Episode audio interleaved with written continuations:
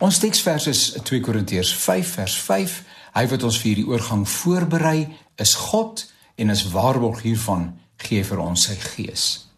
Ons dink hierdie week 'n bietjie na oor die dood. Hierdie hierdie somber woord, nê? Is nie vir ons lekker om daaroor na te dink nie, maar ons moet tog 'n uh, eh, uh, eh, kennis neem uh van hierdie uh, hierdie werklikheid. Maar ons het al vir mekaar gesê die woordjie dood is is 'n bietjie gebrekkig en dit is nie 'n woord wat beskrywend is van dit wat ons verstaan nie en van dit wat die Bybel verstaan nie.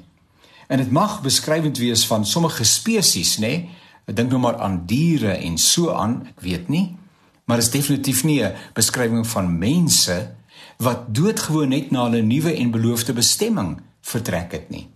Want sulke mense soos ons gister en eergister vir mekaar gesê het, is nie dood nie, hulle is net op 'n ander plek. Ja, onbereikbaar, maar niks minder lewend as ons wat agtergebly het nie. Nou Paulus beskryf hierdie hele proses.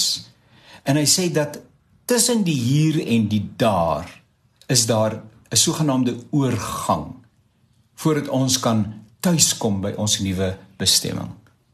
En hy troos as hy sê maar God berei ons voor vir daardie oorgang.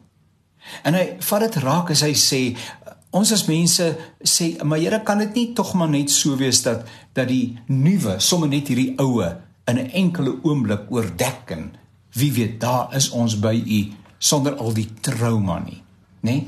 kan die nuwe gedaante nie net oor die ou gedaante die ou manier van lewe my my vleeslikheid kan dit nie net oor my kom en in 'n enkele oomblik sien daar is ek verander en gereed vir die nuwe bestemming nie.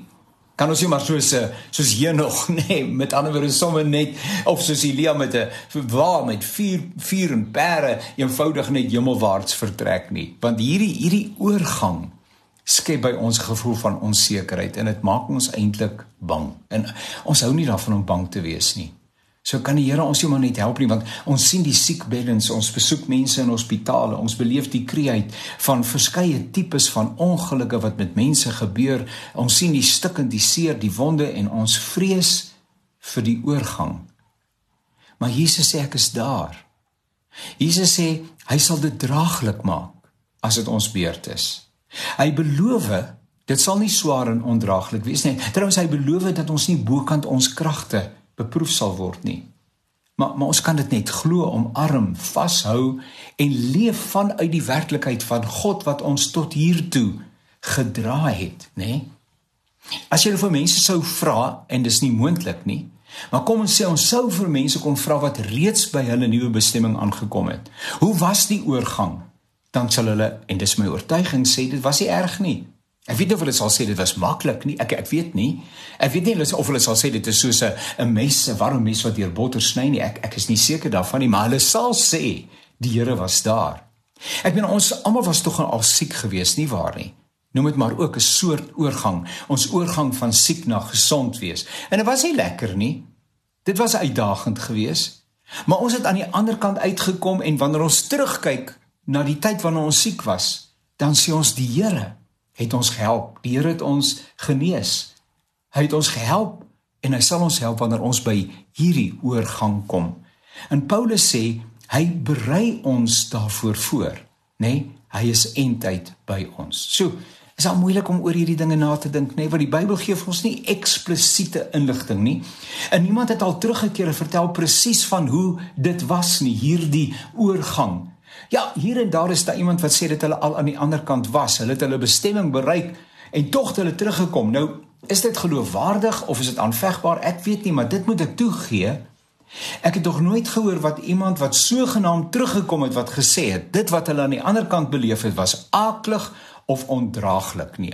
Inteendeel, hulle getuig van die skoonste skoonheid en die heerlikste vrede. So lees gerus wat Paulus skryf oor die oorgang en wat daarbey betrokke is. 1 Korintiërs 15 die laaste aantal verse. En hy kontrasteer die teenswoordige met die toekomstige. Die een is tydelik die ander een ewig die een is verganklik die ander een is onverganklik die een is vlees die ander een is gees. Die een is hier en die ander een is daar. Van hier en van daar. Die een is gebroke en broos en die ander is heel en volmaak. Ek is so dankbaar vir hierdie hoofstuk in die Bybel. Paulus help my sommer buyer.